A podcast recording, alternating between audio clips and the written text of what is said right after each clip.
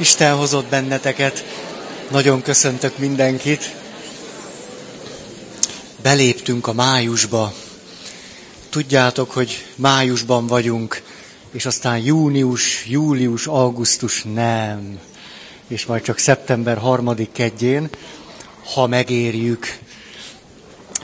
A, az arhetípusokról beszélünk, a bennünk élő egyetemes és kollektív tudásról, bölcsességről, de természetesen ez nem csak a racionalitás vagy a logika szintjén él bennünk, hanem magatartásmódot, cselekvésmódot, életprogramot, stratégiát, világlátást, helyzetmegoldást is mind-mind magába foglal az, amiről így beszélünk, hogy ős típusok, arhetípusok bennünk.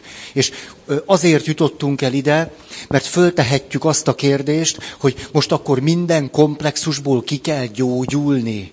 Most akkor van csak esélyünk, ha már egyszer meggyógyultunk. És amikor végre azt mondom, hogy na most kész vagyok, akkor tudok majd csak nem tudom olyan életet élni, amilyet szeretnék, vagy jó lenne.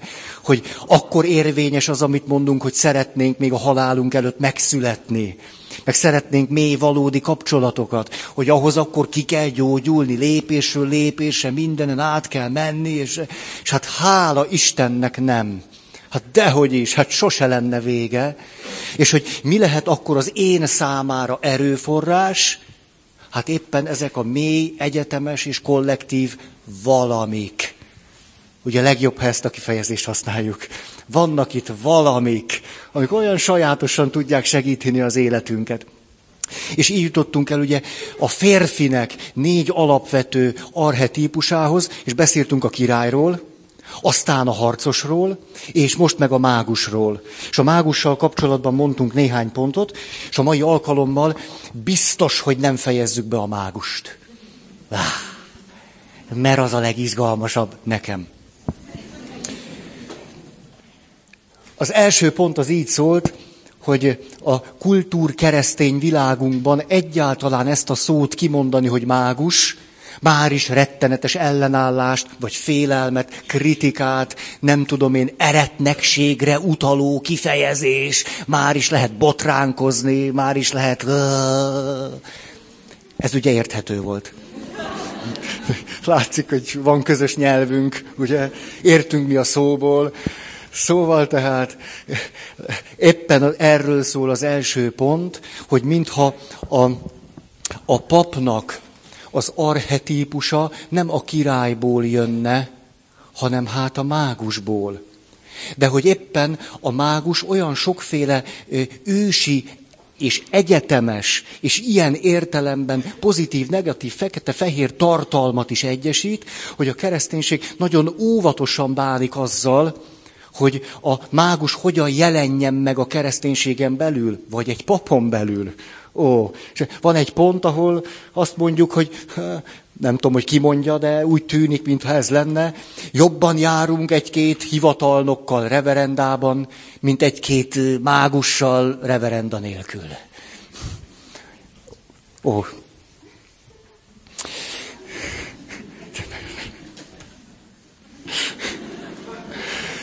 Szó, de jó, hogy nem kellett leghátra menned. De milyen jó megtaláltad, hogy hol a helye. De hogy csináltad? Onnan föltérképezted a terepet. Ó, most erről eszembe jutott, hogy a nők és a férfiak milyen másképpen választják meg a helyüket egy presszóban, de nem mondom el, mert ez, ez teljesen értelmetlen, értelmetlen ezen itt nagyon sokat rágódni, úgy is tudjuk. Tehát ha nem olvastuk, akkor is tudjuk. Ó. Most mindjárt demonstrálódik, hogy hogy is van ez. Csak hogy ez nem egy presszó. Hát szervusztok. Ez. Nagyon, nagyon. Látjátok, ilyen egy, a harcos él bennük. Tehát azt hol a helyem?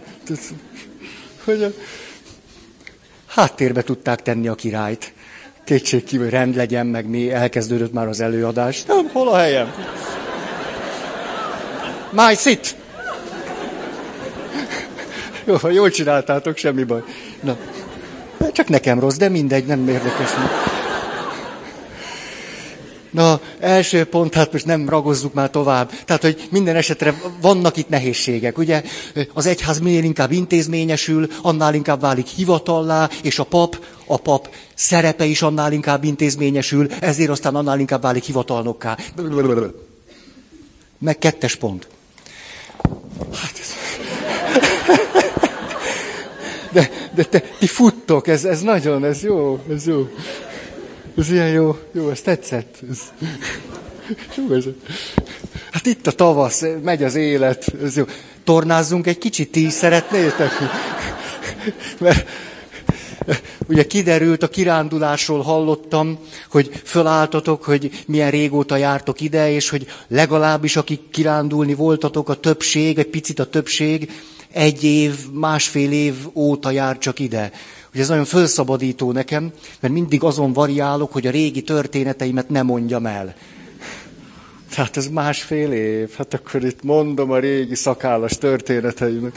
Mert erről eszembe jutott egy, amit már legalább kétszer elmondtam, azt hiszem 2002-ben, meg 2005-ben. De elmondtam kétség kívül. Szóval az, amikor ugye katona voltam, másfél év, és engem állandóan ki akartak emelni. Nem tudom miért, valahogy, valahogy ezt, ezt akarták, és akkor emlékszem, eltelt néhány hét, és oda jött az őrmester, aki szakaszparancsnok volt, és azt mondta, Pálonvéd! Ja, de hát én még az átkos alatt voltam katona, tehát 87. Pál elvtárs, honvéd, nem honvéd, közlegény vagy mi, már, már nem is emlékszem. Harcos, az nem. Hát ez nagyon jól esik. Tehát, tudjátok, hogy mondtam, hogy Szent Ferenc, hogy ezt most még, még, még, még, még. Szóval, na és akkor azt mondja, Álhonvéd, maga előtornász lesz.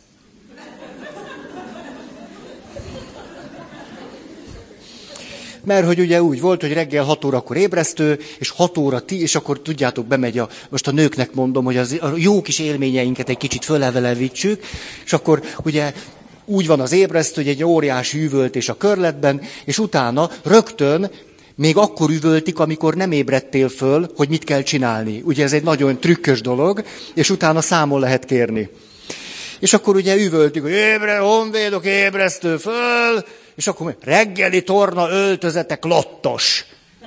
A klottos az egy ilyen kék, rövid nadrág, és legalábbis a mi klottosunk úgy nézett ki, hogy volt hátsó zsebe, két fehér gombbal.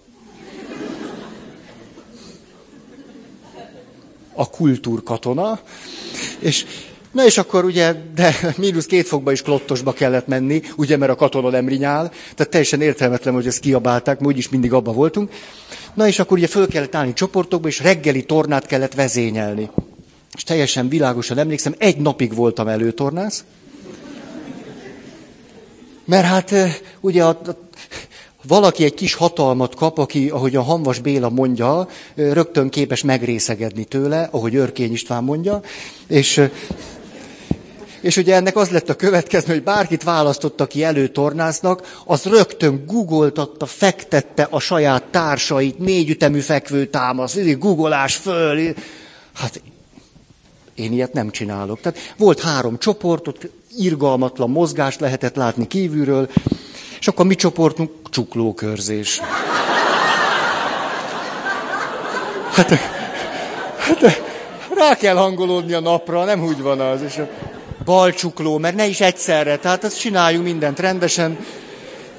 Ez két különböző csukló, azt ne kapkodjuk el, és akkor fejkörzés, érezt, hogy ropog, előre, hátra, jobbra, balra, nagyon jó, válkörzés, jó, jó, így, akkor most érez, ugye, tehát ez, de a többiekről már így csurgott a víz, ugye a mi csoportunk kezdett egy kicsit fázni. És, de hát aztán láb, lábfej, ahilleszünket bemelegítjük, jó, így, nyújtózkodunk, érzed, hogy nyúlik az ahillesz, ez az, jó. Na és hát tudjátok, mi lett ebből? A botrány. Ugye, az ablakból nézték, hogy mit csinál a négy csoport, ugye a három csoport az... A negyedik meg hát úgy, úgy és hivatott ott a századparancsnok, és leváltottak még aznap. Nem futottam be karriert a magyar néphadseregnél. Ez, ez jutott eszembe. Olyan szépen be, befutottatok. Második pont.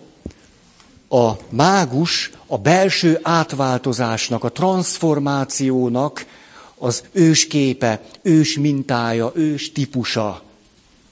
Átváltozás, belső átalakulás, belső fejlődés, külső megváltozás, átlépni a, a belső saját magunknak a korlátait, határait, fejlődés, növekedés, erről sokat-sokat lehetne beszélni, de hát már szóltunk róla.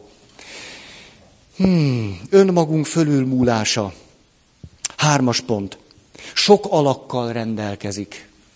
Ugye kezdve a bohóctól, udvari borond, varázsló, gyógyító, gyóntató, sámán, bölcsörek, proféta, profétanő.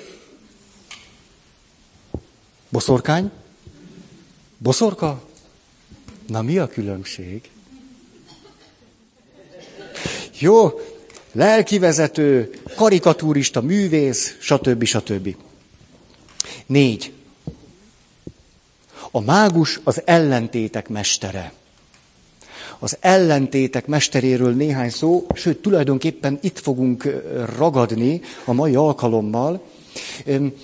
Azt mondja Richard Rohr, hogy annyira az ellentétek mestere, hogy néha zsonglőrködik az ellentétekkel. Hogy mindig, mindig épp az ellenkezőjéről mutat meg valamit. Fölülről mutat meg valamit, belülről mutat meg valamit, de valahogy mindig, mindig az ellentétek között egyensúlyoz. Nem engedi, hogy valami csak egyoldalú legyen, hanem mindig megmutatja azt, ami ott a legkevésbé látszik. Tehát például ugye a gőgös királynak azt, hogy mesztelen. A nagyon okos embernek, hogy milyen gyarló. A nagy szentnek, hogy milyen esendő. A proféta, a bennünk élő mágus, ugye bennünk élő dolgokról beszélünk, amit persze ilyen külső történetekben jól meg tudunk ragadni, mindig ezt teszi velünk. Pont mikor már elhinnénk, hogy milyen tök jól csináljuk, akkor szól nekünk, de nem azért, hogy bántson, csak hogy valahogy az egyensúlyt létrehozza. De fordítva is, hát persze, ha valaki meg állandóan szégyenkezik, és nem tudom, akkor a mágus azt mondja, hogy ne hülyéskedj már, hát gyönyörű vagy.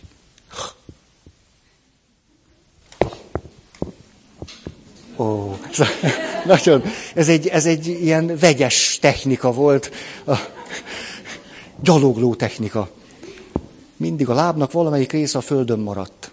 Szép. Nem zárunk ki. Na tehát, ezért aztán a bennünk élő varázsló érti és tudja a paradoxonokat képes paradoxonokban, ellentétekben, ellentmondásokban lenni, sőt, minél nagyobb mágus, annál inkább óriási ellentéteket képes önmagában egyesíteni, és paradoxonokkal együtt élni. Ugye ezért mondhatta azt a Gottman nevű amerikai családterapeuta, hogy a 69 százalékának százalékában a házastársi kapcsolatokban a konfliktusok megoldhatatlanok. 70% megoldhatatlan. Azok maradnak együtt, akik megoldhatatlan konfliktusokkal megtanultak együtt élni. Na, oda kell a mágus. Ha ott van egy mágus, azt mondja, ha nem lehet megoldani, attól még lehet élni. Pst, is élnek, és... Ha valakiben nincs mágus, ha valakiben csak a harcos van, fekete-fehér, úgy nagyon nehéz, ő mindent akkor meg akar oldani. Nem bír együtt élni megoldhatatlan helyzetekkel. Mindent annyira túlfeszít az egyik vagy a másik irány, hogy mindennek nagyon logikusnak kell lenni. Nagyon érthető. Ugye ez az, hogy, hogy mikor a, a nő kosarat ad a férfinek. Milyen szép kifejezés. Nekem adhatnátok néhány kosarat, ez egy jó üzlet. Szóval kosarat ad a férfinek, és akkor a férfi milyen teljesen ösztönös, természetes kérdés. Na de miért? Most miért? Nem vagyok elég jó? Nem vagyok elég magas? Nem vagyok elég szőrös? Na most miért? És a, az igazi bölcsnő, akiben van egy mágus, és érti ezt az egészet, amiben van, és nem csak ő, azt mondja, csak. És ha a férfiben is van egy mágus, akkor azt mondja, de jó, hogy ezt mondta ennél többet nem kaphattam volna. Ennél minden logikusabb és érthetőbb és elmondhatóbb, és még 28-szor találkozhattok, csak úgy mondom, te. És még 25-ször megkérdezheted, de most akkor tényleg mi a valódi ok? És akkor utána bebizonyítod, hogy te azon tudsz változtatni. Istenem, engedd már a mágus szóhoz jutni. Változtathatsz mindenen, amit kipréseltél a nőből, hogy logikusan elmondja, hogy miért nem, akkor se. Ez, akkor belátod, hogy van ilyen. Hogy van ilyen, hogy te tök oké vagy, és akkor se. És akkor ezzel együtt tudunk élni, a mágus nagy segítségünkre van. Hát különben ebbe bele lehet halni, üldözheted, nem tudom, hát annyi... Ugye vannak ilyenek? Én nem halnék bele. De egy szemét mondat volt. Fú. Rohadékja. Ugye? Ugye? Aj. Hát szóval, papiet nem csinál.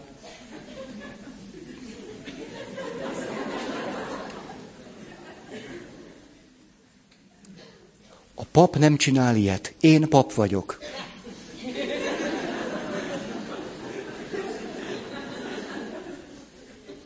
A pap nem csinál ilyet. Én ilyet csináltam.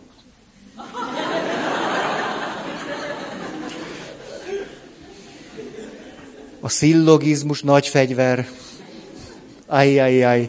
Most az is eszembe jut erről, hányan tulajdonképpen, na, mindjárt tovább megyünk, csak ezt el akarom mondani. Tehát, a, hogy, hogy tudjátok, sokat problémáztam azon, hogy tulajdonképpen mi is ez itt. Úgy néha gondolkodom ezen, hogy mi ez itt. Persze mindig van rá okom, mert, mert. És most kihirdetem nektek, Visszamenőleg 2000-ig, meg amíg még leszünk, ez nem hittanóra. Mert hittanórán ilyet nem csinálunk. Nem katekézis. Sosem mondtam, hogy az. Én sosem mondtam. Mások lehet, hogy mondták. Én sosem mondtam, hogy ez katekézis. Nem is előadás. Tudjátok, ez mi? Megtaláltam a műfai besorolást, mert addig nem nyugodtam. Hát, az könnyű azt mondani, hogy mi nem. Na de mi igen?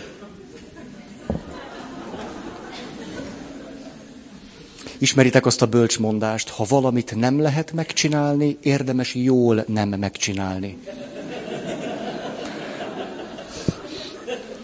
Mágus ezt nagyon tudja.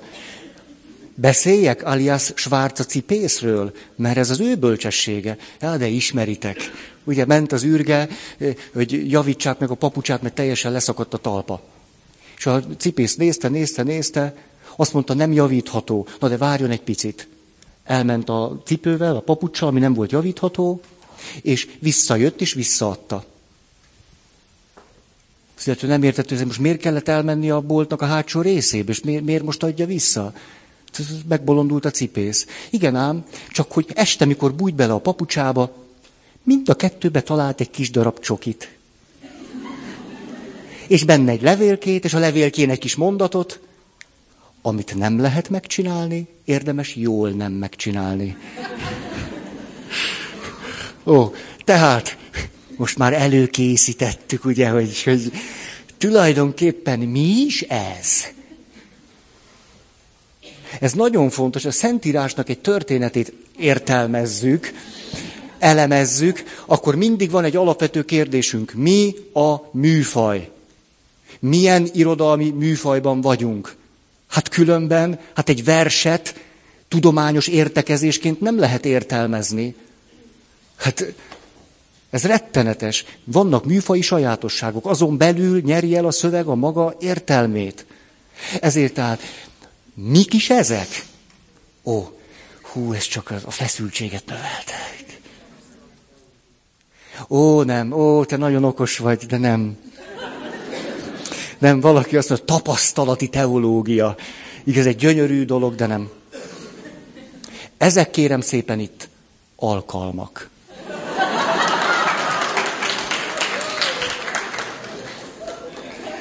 Én ezt most olyan komolyan mondom, amilyen komolyan csak lehet mondani. Mikor alám gyújtják a mágiát, és ha szabad lesz a kezem, fölemelem és azt mondom, ezek itt alkalmak voltak az utolsó szó jogán. Na jó. Azért ízlejétek ezt a szót, sok-sok minden van benne. Tehát, hogy az ellentétek, ez azt jelenti, hogy a mágus az, aki bennünk, az ellentéteket összefűzve, együtt látva, képes valamit megragadni, valamit láttatni, vagy látni, megtapasztalni. Na, és itt eljutottunk a 2001-es előadásainkhoz, mert ugyanis ott mondtam hat pontot ezzel kapcsolatban. Hat. Röhelyes.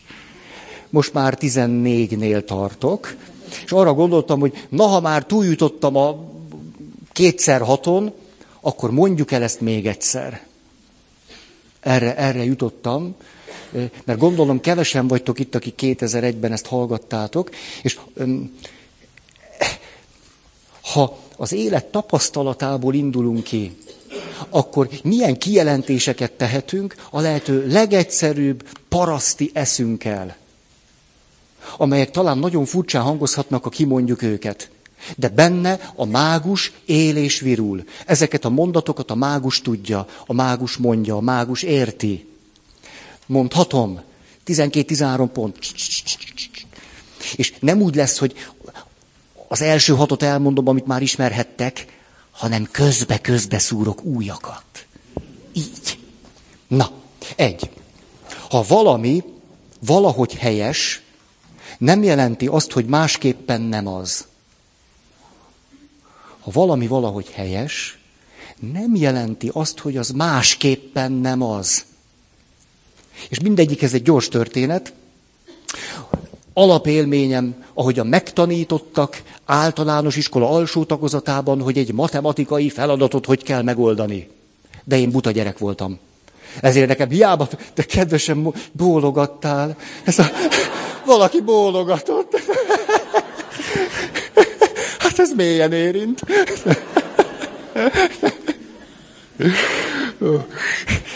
Nem arra bólogatott, hanem hogy nagyon érti.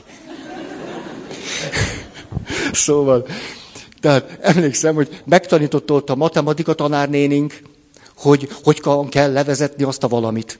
Egyenlet, vagy hogy hívják. És akkor természetesen én azt még ott értettem, de mikor hazamentem, és meg kellett csinálni egy ugyanolyat, csak más számokkal,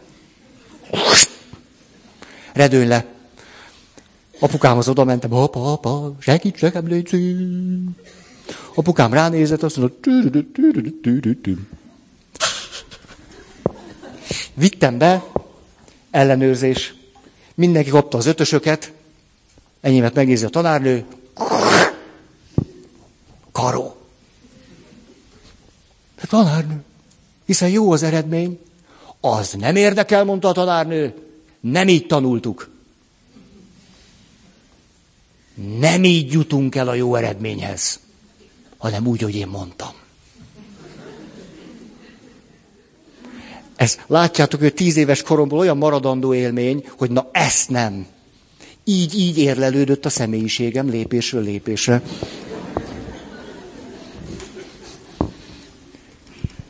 Ugye így szólt a mondat, ha valami valahogy helyes, nem jelenti azt, hogy másképpen nem az, vagy másképp nem lehet oda eljutni. Kettő.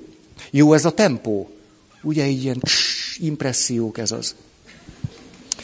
Ha nekem igazam van, az nem jelenti azt, hogy a másiknak nincs igaza.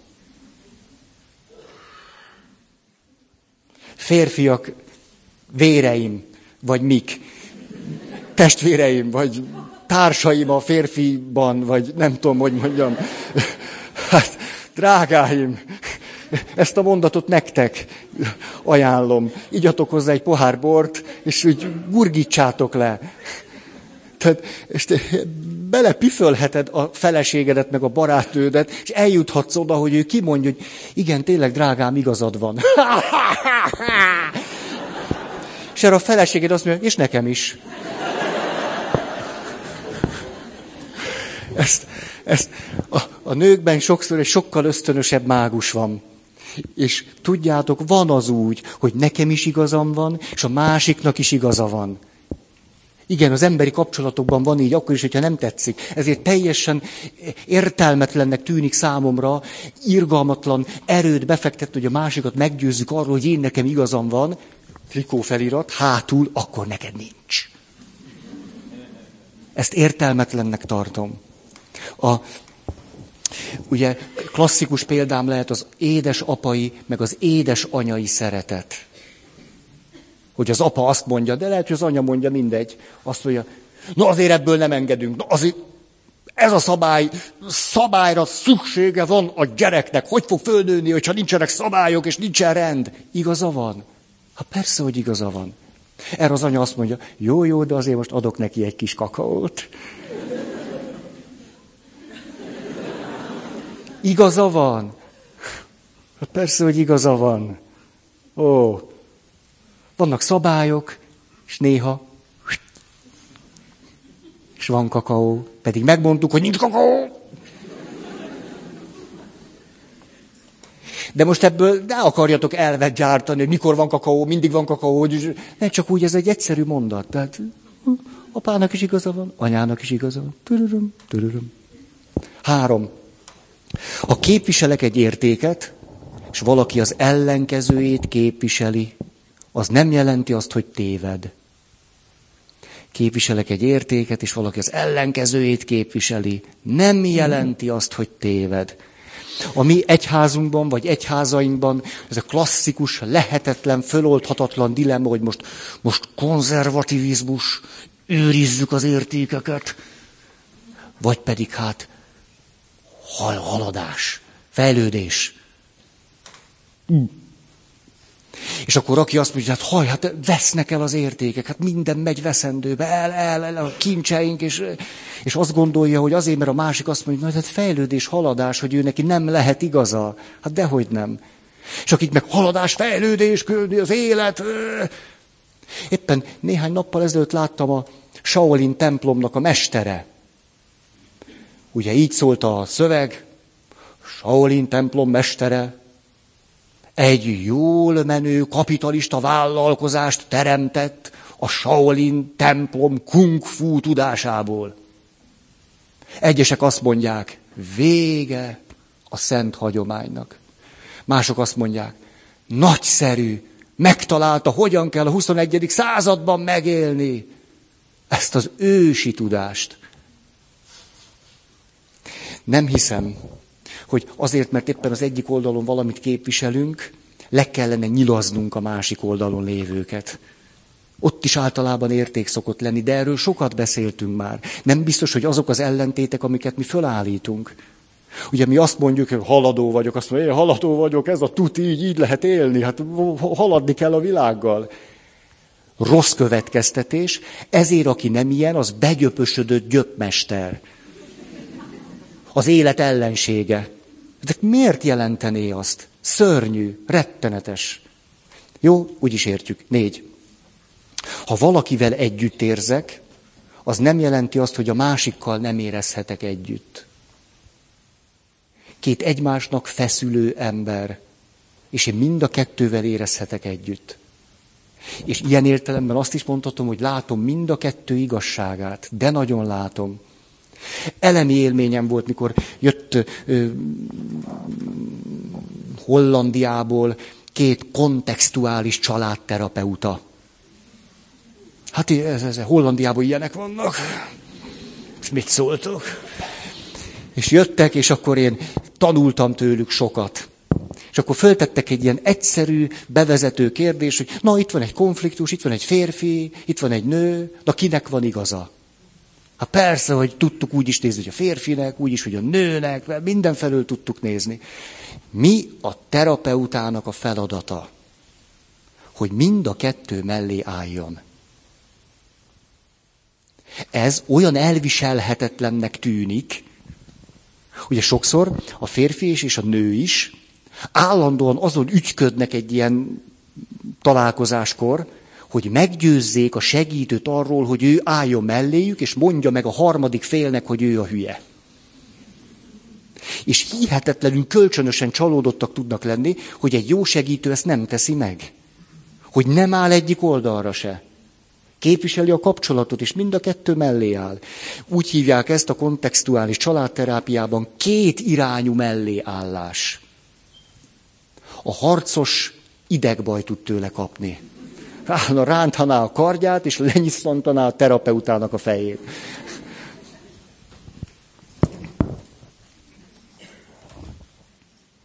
Ugye a megbocsájtásban is, a megbocsájtásnak van mindig egy döntő kulcsa, amin a megbocsájtás átbillen, mondjuk érzelmi, érzelmi szinten, ez pedig az, amikor a tettes egyszer csak nem egy tőlem minden szempontból idegen valaki, akihez semmi közöm nincs, csak annyi, hogy ő a tettes és a rohadék,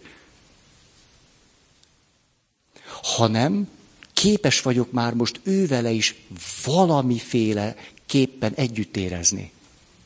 Magamat, akár csak egy nagyon halványan is meglátni a tettes személyében. Ez tulajdonképpen azt jelenti, hogy magamat is képviselem, én vagyok az áldozat, de ott is ott vagyok már egy kicsit. Például, mikor azt mondom, de hát én is csináltam már ilyet másokkal. Vagy azt mondom, de hát tulajdonképpen, hogyha az ő élet történetét nézem, nem csodálom, hogy ezt csinálta velem. Vagy tulajdonképpen, hogyha én velem az történt volna, lehet, hogy én is ezt csináltam volna magammal. Ez együttérzés, valamiképpen onnan is látom már. Tehát én egy magamba is meg tudom azt tenni, hogy együttérző vagyok magammal, és veled is. A probléma ott van, hogyha valaki csak magával, vagy csak a másikkal tud együttérző lenni. Természetesen sokan ülnek itt most, ültök itt olyanok, akik sokkal inkább megtanultatok másokkal együtt érezni magatok rovására. Ezen hökkent meg a dalai láma néhány évvel ezelőtt. Így volt. Na most. Öt. Ha két ember vagy érték ellentétben áll egymással, az egyik választása nem jelenti a másik elutasítását. Ha két ember vagy érték ellentétben áll egymással, az egyik választása nem jelenti a másik elutasítását. Minden lojalitás konfliktusban ez történik, amikor megházasodom, és az édesanyám fölhív, jaj, Ferikém, gyere el, segíts fölvágni a fát. És akkor én azt mondom, ne haragudj, anya, de ma nem tudok elmenni, legfőjebb csak holnap, de akkor is csak akkor, amikor nekem jó. Brühű, brühű, te akkor már nem is szeretsz. Hogy tudod ezt velem megtenni? Hát neked fontosabb az a... Hát nem én tápláltalak-e téged? De nagy dolog lenne, hogyha ez a kedves édes anya fölismerné azt, hogy attól, hogy ő választott valakit, és azt mondta, hogy hol tomiglan, hol táiglan, ez volt így ez elszólás, az nagyon szép volt egy esküvőn. Azt mondja, hol todiglan, hol táiglan. Semmiféle bajban el nem hagyom. Hol todiglan, hol táiglan. Ez... Szép, jó, kivágta magát. Ja, meg kellett állni, még ilyen eset nem volt. Ott az egy kicsit, az egyiken egy picit változtassunk, azért. Így azért nem menjünk tovább. Tényleg meg, de esküvőn már minden megtörtént. Olyan jókat tudnék mesélni, csak az a baj, hogy itt ültök, és akkor a... még baj lesz belőle. Szóval, most hogy jutottam ide? Most annyi történet jutott eszembe, amiket nem mesélhetek el. Lojalitás konfliktus. Hogy, hogy a válláskor, mikor azt mondja az anya, hogy az én anyukám is ilyen volt. Szegény nem bírta elfogadni, hogy az apámmal nem szakítom meg a kapcsolatot, miközben az a gazember, aki megcsalt engem. Nem tudta ezt elfogadni. Én megértettem nagyon az ő fájdalmát, de közben az apám mégiscsak az apám, és mindig az marad. És ezt rettenetesen nehezményezte. Mindig, mikor ugye voltál apádnál. Ugye nincs jó válasz. Ugye ezt nem kell különösebben kifejtenem, hogy miért. És lehetett tudni, ez egy játszma kezdő mondat volt egyébként. Tehát lehetett pontosan tudni, hogy most bekapcsolt a játszma, és innen már most megyünk a végső...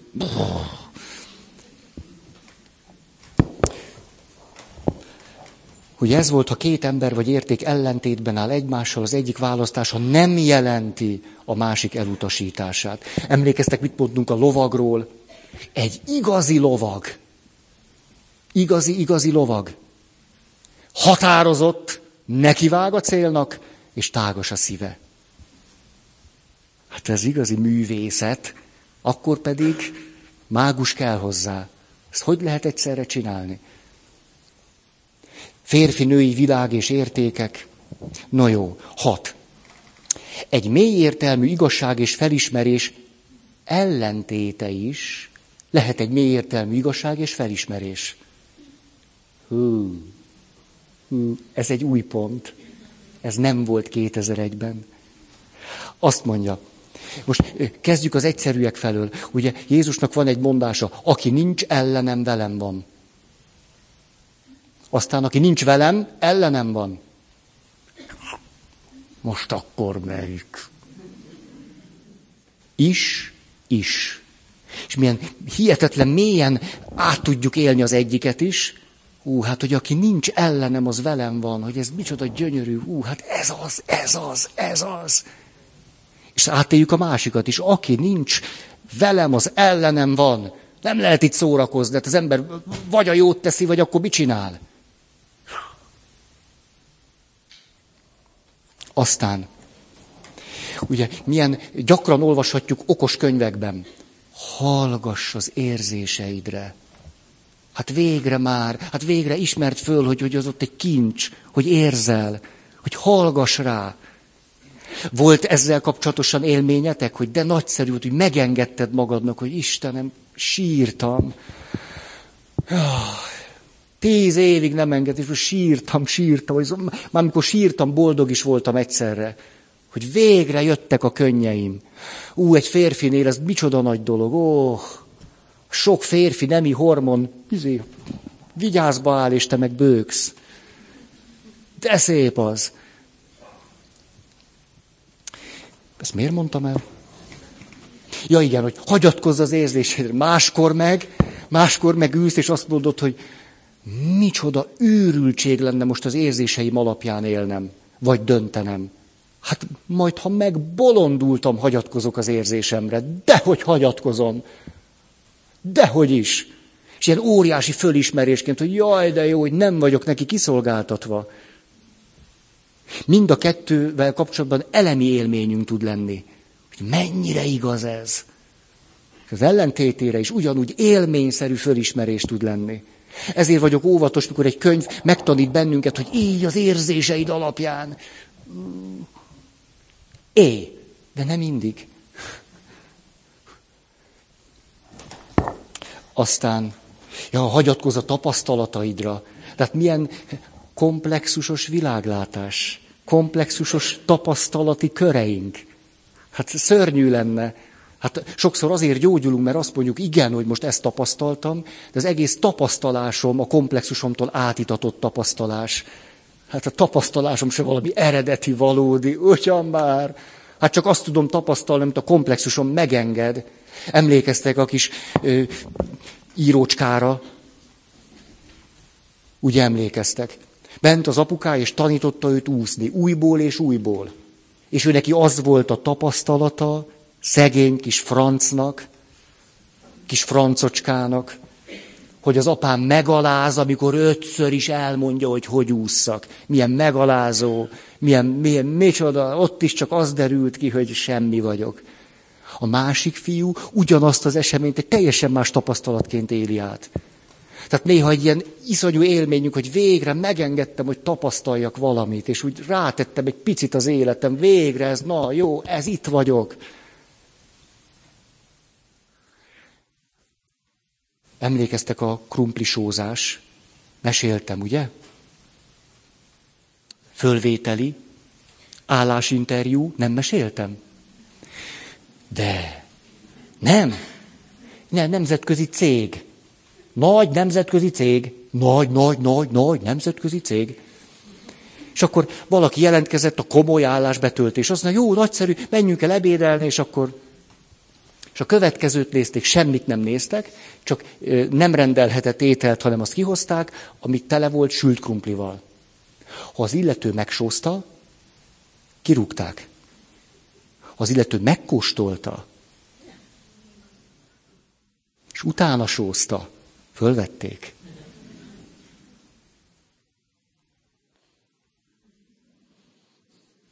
Ezt most megsúgtam nektek. Előbb egy falat, utána a sózás. Na jó. Ugye, hogy milyen nagyszerű az, hogy ki, kimondjuk azt, hogy hát Isten titok, óriási titok, megismerhetetlen. Hát nagyon így van. És utána jön a karácsony, és ugyanaz a pap, aki ezen lelkendezett, hogy Isten titok, hát nem, mit állíthatnánk róla? Hát, hogy ez a pap megünnepl, hogy Isten megjelent, föltárta magát, megmutatta magát, kézbe vehető. Eleve egyébként már abban a mondatban is, hogy Isten titok nem ismerhető meg. Amennyiben titok. Ugye ebben is van már egy paradoxon, mert ahhoz, hogy azt tudjam róla mondani, hogy titok, ahhoz már valamire meg kell ismernem.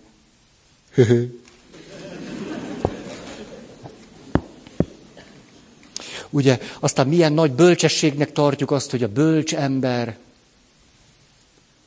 a maga kárán tanul. Ez nagy bölcsesség.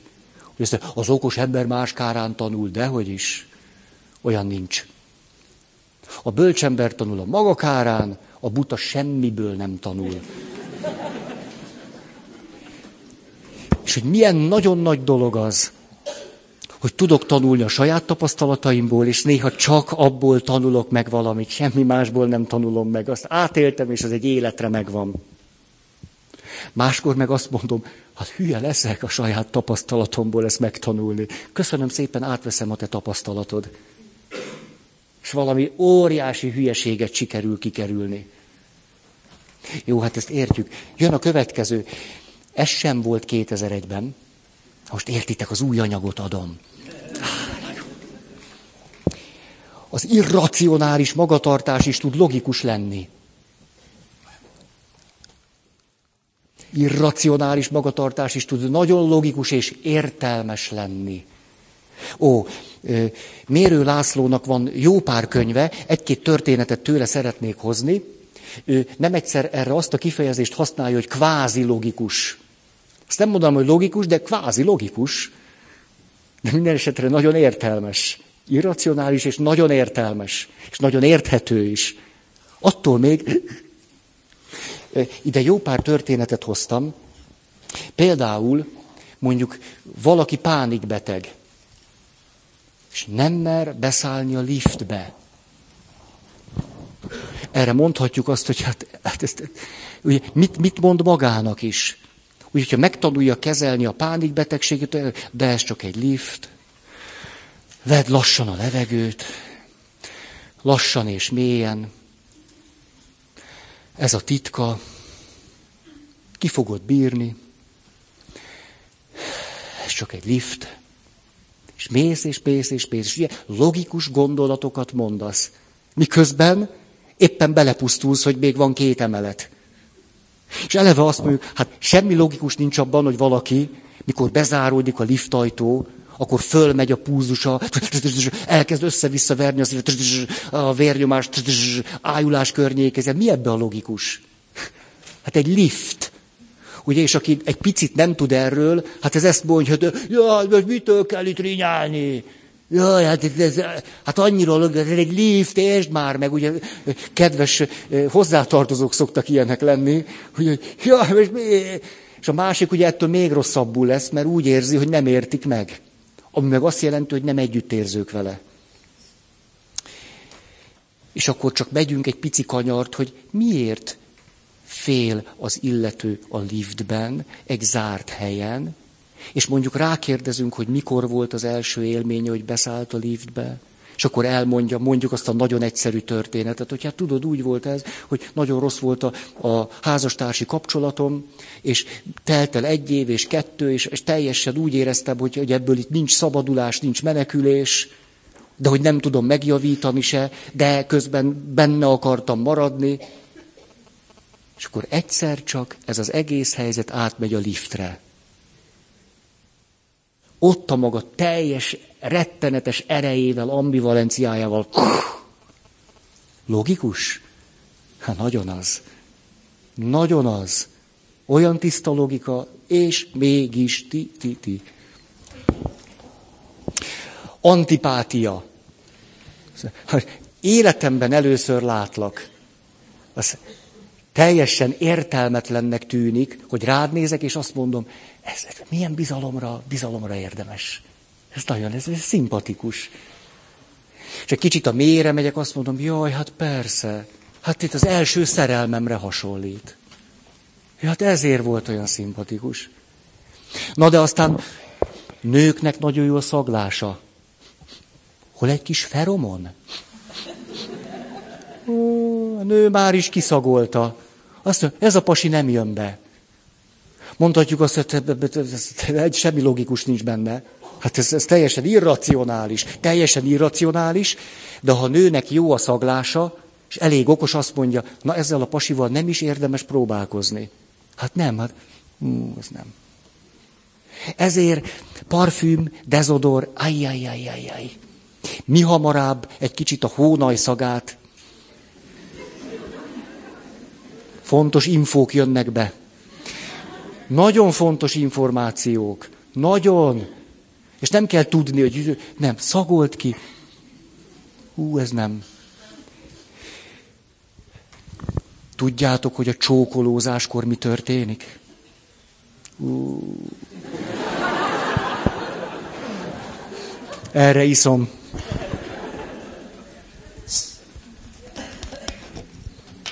Annyira illúzióromboló lesz. Nagyon fogtok érte utálni. Hm. Másfelől meg bolond vagy, ha ez jut eszedbe, mikor csinálod. A csókolózáskor a nő, mindig a nők, nyál elemzést végeznek. És végül jön egy eredmény. A férfiak csak úgy csókolóznak. Mi, mi sokkal egyszerűbbek vagyunk, úgy tűnik. Ezt viccből mondtam. De tényleg olvassátok az irodalmat. Így van. Így van. Ne csókolózás közben. Előtte, utána egy kicsit. Ugye azt is mondhatjuk, hát micsoda irracionális dolog, hogy az illetőnek alkoholista volt az apja, és erre nem három olyan férfihez ment egymás után, aki alkoholista volt. Hát ezt a bődületes irracionalitást. És ha megértjük a logikáját, akkor egyszer csak minden annyira egyértelmű lesz. Mondjuk, hogy megtiltották ott a családban, hogy egy picit is lehessen azonosulni ezzel az apával. Ő volt a bűnbak, a rossz úgy, ahogy van, és mi történik ilyenkor? Jön a láthatatlan lojalitás. És tudattalanul az a nő megpróbálja az apjával a kapcsolatot itt bent föntartani. Plö, hogy alkoholista férfiakat választ. És ez sokkal mélyebben van, mint hogy ezt látta otthon, vagy hogy minták alapján tanulunk. És ha látjuk ezt, akkor azt mondjuk, hogy micsoda, milyen irracionális. És ő maga is ezt mondja, nem? Hát hogy lehet ez? Hát megfogadtam, 12 éves kislány voltam, és akkor az apámért le kellett menni a kocsmába, akkor fogadtam meg, hogy én így soha.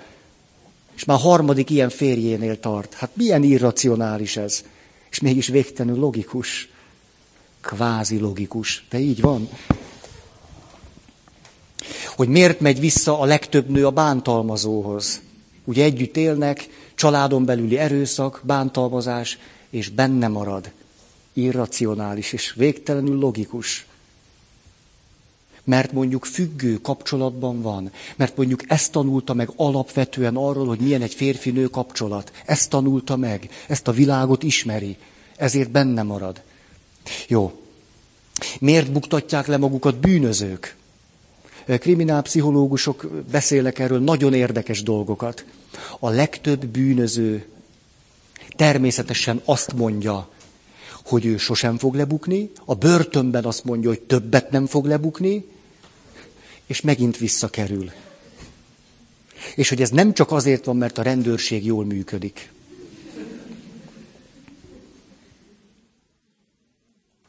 Ó, mondanék történeteket.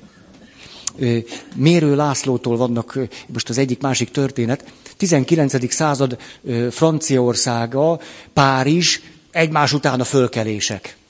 És akkor ugye ott a tömeg forrong és lázong, és akkor katonatiszt megkapja a parancsot, lövessen a csőcselékbe. És ott vannak természetesen fegyvertelenül, de a maguk módján nagyon támadóan, agresszíven az emberek, és ott áll fegyverkezve, fölszerelkezve a hadsereg, és ott a katonatiszt, és a katonatiszt kiáll, de a döbbenetes drámai helyzetben, hogy farkas szemet néznek egymással, kirántja a kardját, 19. század, és megszólal belőle a mágus. Mit mondott? Ez a kérdésem. Már a rádió hallgatói most elmehetnek egy picit inni, enni, most nem fog semmi történni.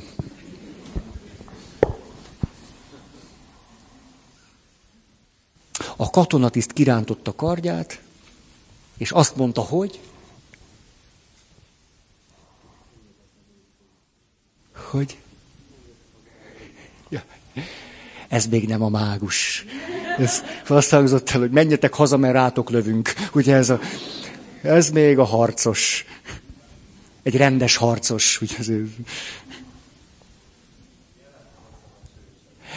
Zsolt, Zsolt. Jó, a mágus bejelentkezett.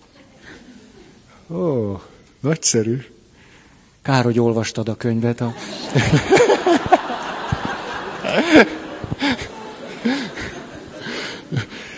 Megtörtént, kiállt a katonatiszt kezébe a kard, és azt mondja, emberek, azt a parancsot kaptam, hogy lövessek a csőcselékbe, de itt sok rendes ember is van.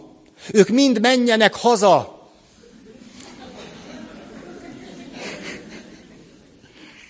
Öt perc tíz, üres volt a tér.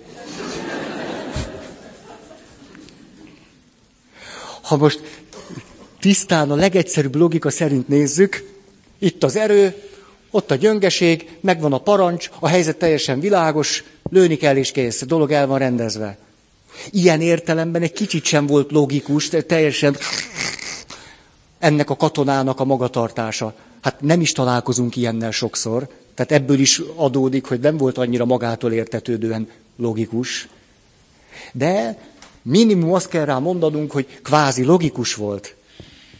A mágus szólt a harcosból. Mondhatok még ilyeneket? Ez nagyon, ez, ez, ú, hát a mágus, látjátok, így, így. A fiatal ember megismerkedik egy nagyon szép és nagyon jóra való hölgyel, és az ismerettségük oda jut, hogy hát bizony a testi szerelemnek az előszobájában állnak. Hogy így szépen fogalmazom. Azért annyira nem volt szép. Na, és amikor már nyilvánvalóvá lett, hogy a helyzet valahol itt tart, rövid ismerettségük után, akkor azt mondja a nő, ácsi, ácsi, én egy profi vagyok. A férfi teljesen megdöbben, egészen másra számított, és úgy érzékel, hogy, a, hogy azért nem csak erről volt szó, és akkor elkezdenek beszélgetni. valós történet.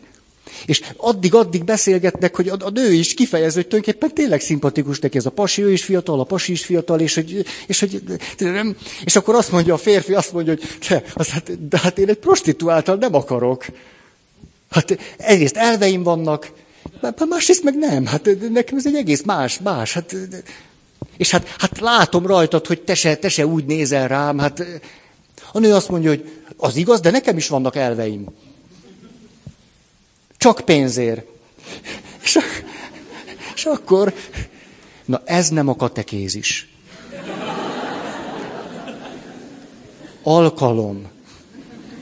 De most nem érdemes kikapcsolni a rádiót, mert van mondani való is. Szóval, azt mondja a nő, nekem is vannak elveim, és akkor kezdi lejjebb adni az árat. Végül meddig jutnak el? Azt mondja a nő, egy forint. Én nekem elveim vannak, egy forint. Hát a férfi, meg... na jó. Ugye, most föltehetünk rengeteg kérdést itt, hogy most a férfi egy prostituáltal volt-e? Most a férfi eljön hozzám gyónni. És azt mondja, parázálkodtam, egy prostituáltál voltam. Egy forintért.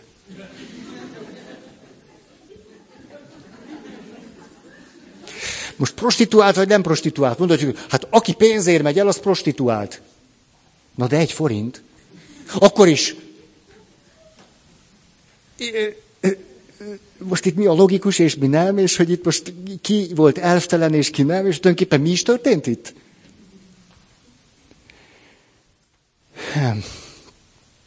Van a történetnek egy parafrázisa. Az is megtörtént. Ugyanis ez a fiatal ember néhány évtizeddel később egy egyetemi tanár.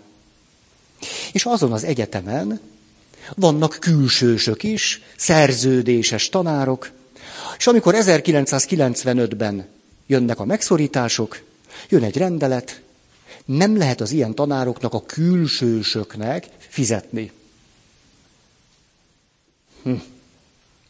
Ezért aztán van neki egy nagyszerű kollégája, aki emiatt nem tarthatja meg többi az óráit, mert nem fizetnek neki. Te, a, mi tanárunk, professzor elmegy hozzá, és azt mondja, te, ez olyan kincsek a, a, az, amit te tanítasz. Hát tényleg néhány óra, és hát egyébként meg röhelyes az a pénzt, amit a, érte kapsz, hogy nem lehet valahogy ezt megoldani, hogy mégiscsak elgyere, és a, mert hát tudod, a tanul, nem tanulmányi, a gazdasági osztályon megmondták, hogy hát nincsen pénz, mert a politikusok megmondták, hogy nincsen pénz. Na jó, de hát ez egy nagy érték. És az illető azt mondja, jó, hát tudom, hogy nagy érték, én nagyon szerettem tanítani, ingyen nem. Mert ha ingyen csinálom, az már nem, nem tanítás, akkor most jó, hát akkor jótékonykodok, nem a jótékonykodással van a bajom, de én akkor nem érzem magam ott tanárnak, az, az akkor... Erre az illetőnek eszébe jut, ó, hát volt nekem egy egyforintos élményem. Azt mondja, tudod mit? Elmegyek a gazdasági osztályra. Írunk egy szerződést, hogy te megtartod az órát egy forintért. Mit szólsz? Illető gondolsz, hogy tudod mit? Benne vagyok. Akkor az rendes, az tanár, pénzt kap érte, az, az korrekt. De itt van a történet vége. A professzor elmegy a gazdasági osztályra, 1995, és azt mondja, kedves, nem tudom én, Brünnhilda néni. Itt van egy nagyszerű tanár, itt a négy órája van, egy forintért megtartja mind a négy órát.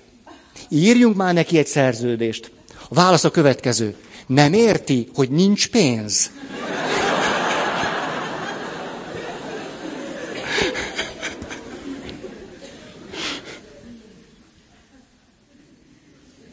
Na ez az.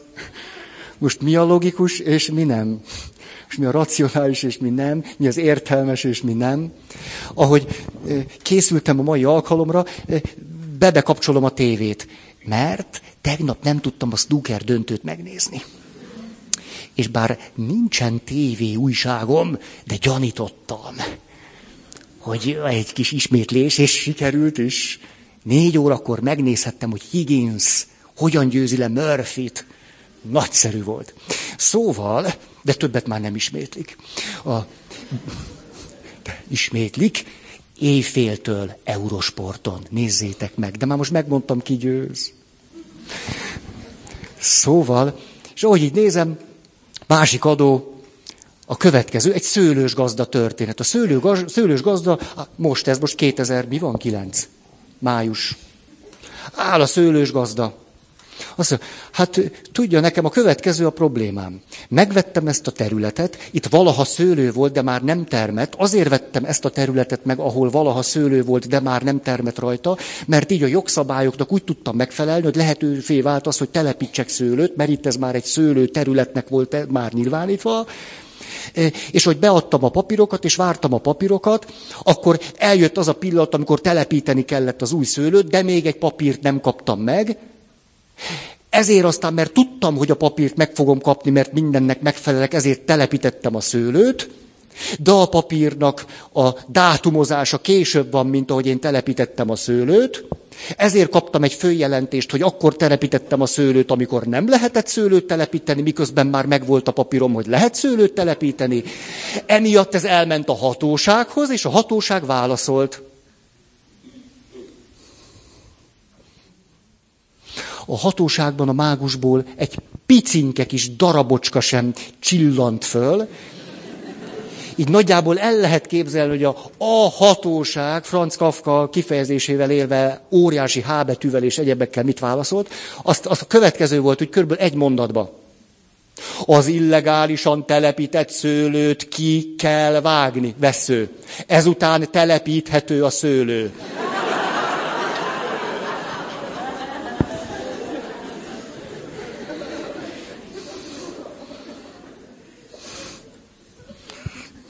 Na, csak próbálom körbejárni ezt, hogy, hogy irracionális, tehát magatartás is tud logikus lenni, kvázi logikus, sőt, sőt, sőt, mi azt látjuk, valami irracionális válaszunk, gondolatunk, tettünk sokkal értelmesebb. És milyen mélyen érthető és logikus is. Na, és nézem az időt. Így elszaladt. Én meg csak itt sztorizgatok. Nézzük meg még két rövid valami. A, egy vicc. Vietnámiakról azt hírlik, hogy jobban megesznek mindent, mint a kínaiak. Azért az már nagy dolog. És akkor a kínaiaknál van egy, van egy mondás, nem, a vietnámiaknál van egy mondás, hogy ami mozog, ehető. És akkor van itt egy vesző, és a mondás itt szó, ez a 20. századi verzió, ami mozog, ehető, kivéve a tank meg a repülő.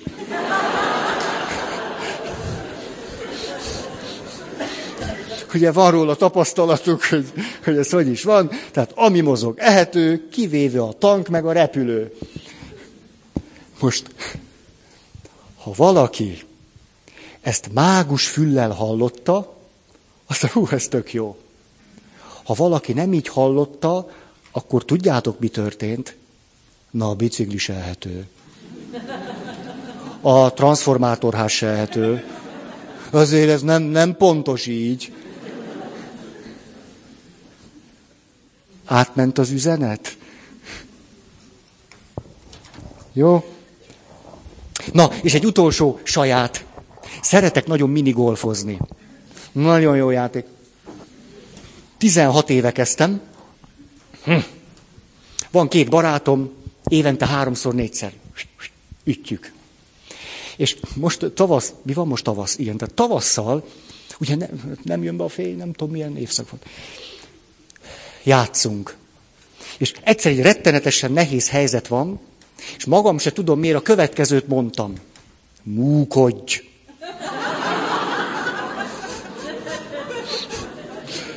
Ez már önmagában egy sajátos helyzet, ugye? Hogy, na mindegy, mondom, múkodj. És képzeljétek el, beütöttem. Na jó, volt még két ilyen nehéz helyzet, mindegyiknél megálltam, múkodj. Két társam, hogy mindegyiknek van egy csomó diplomája, egyre nagyobb félelemmel nézték, hogy matematikusok, orvosok, fizikusok, biológusok, és ugye itt valami nagyon nagy baj lesz. és, és készítek el, tök jól állok, és akkor odaálltam, ott van a lyuk, és kb. 20 centire volt a golyó. És odaállt, és mondom, múkodj! És erre fölkiáltott az egyik három diplomával. Itt nem ér mondani!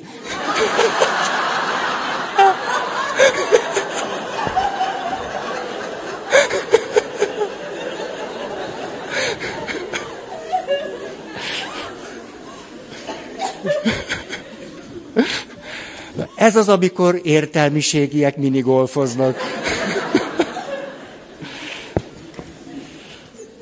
Oh. Na, akkor, nyolcas pont. Ugyan az a dolog lehet egyszerre hasznomra és káromra. Ugyanaz a dolog egyszerre lehet a hasznomra és a káromra. A sérüléseink például ilyenek. A sérüléseink hatalmas kincset rejtenek. Emlékeztek, mikor Kár Gusztáv Jung nyomán erről hosszan beszéltünk. Minden sérülésben van egy kincs, ameddig rá nem találunk, hogy mi az a kincs. Volt nálam éppen valaki, azt mondta, ő ebből a rettenetes valamiből, ami neki van, mindenképpen ki akar gyógyulni. És hogy beszélgettünk, valahogy elindultunk abba az irányba, hogy jól van, ő neki van ez a valami rettenetes elakadása, ennek a rettenetes egészségedre, ennek a rettenetes elakadásnak köszönhet-e valamit? Eleve egy értelmetlennek tűnő kérdés, mindaddig, míg el nem kezdjük megválaszolni. Szóval, hát tulajdonképpen azt köszönöm neki, hogy sokkal alázatosabb lettem. Hát aztán azt is köszönöm neki, hogy sokkal megértőbb lettem. Szóval, hát azt is köszönöm neki, hogy egy csomó előítéletemtől megszabadultam. Azt is köszönöm neki, hogy egyszer csak egy listája lett abból, hogy mit köszönhet annak, amiből éppen ki akar gyógyulni. Ez itt most nem érv gyógyulással szemben. Hát persze, gyógyuljon ki, de egyáltalán nem mindegy, hogy látom, hogy valami, ami a káromra van, nem volt-e, nincs-e valamiképpen a hasznomra is. Attól még rendben van minden. A komplexusokról Emlékeztek, mikor azt kezdtük el mondani, hogy rendben van, mennyit köpködtük a komplexusokat, hogy így a komplexus, úgy a komplexus, mindegyikkel baj van. Igen ám, csak hogy azon keresztül jött az élet. Hogy mi a sajátos élethelyzetünk miatt a komplexusainkon keresztül jutottunk nagyon sok értékhez hozzá. Ha ez ma nem így lenne, nem is ragaszkodnánk annyira hozzájuk. Mert lehet, hogy csörgedezik az élet, de csörgedezik az élet belőlük. Hm.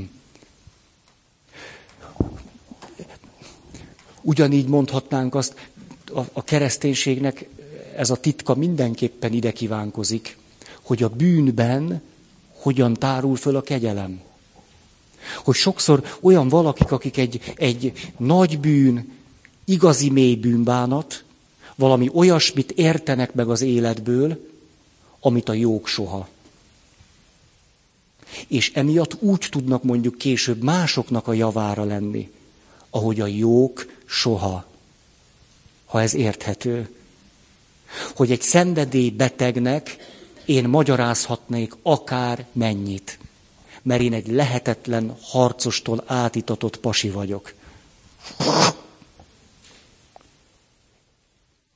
a legkevésbé valószínű, hogy valaha is alkoholista legyek. Ezért én szövegelhetek akármit, és akkor oda jön egy valaki, az egész arcán ott van az alkoholista múltja, mond neki három mondatot, és helyre van rakva. Hát az anonim alkoholistáknak a köre micsoda zseniális. Azt tudjátok, körülbelül a pszichiátriai ellátórendszerben az addiktológusok úgy körülbelül 10% hatékonysággal dolgoznak, miközben a szakmájuknak a profiai. Anonim alkoholisták 50%. Mert alkoholista beszél alkoholistával. Csak ezért. A keresztény misztikában ugye aztán ebből fakad az, hogy Krisztus sebeiből fakad az élet. Ezt így lehetne össze, összegyűjteni egy képbe. Szerintem én itt befejezem. Hm. És maradt néhány pont még, és akkor a következő alkalommal befejezzük a mágust. Nagyon köszönöm a figyelmeteket. Akar-e valaki hirdetni?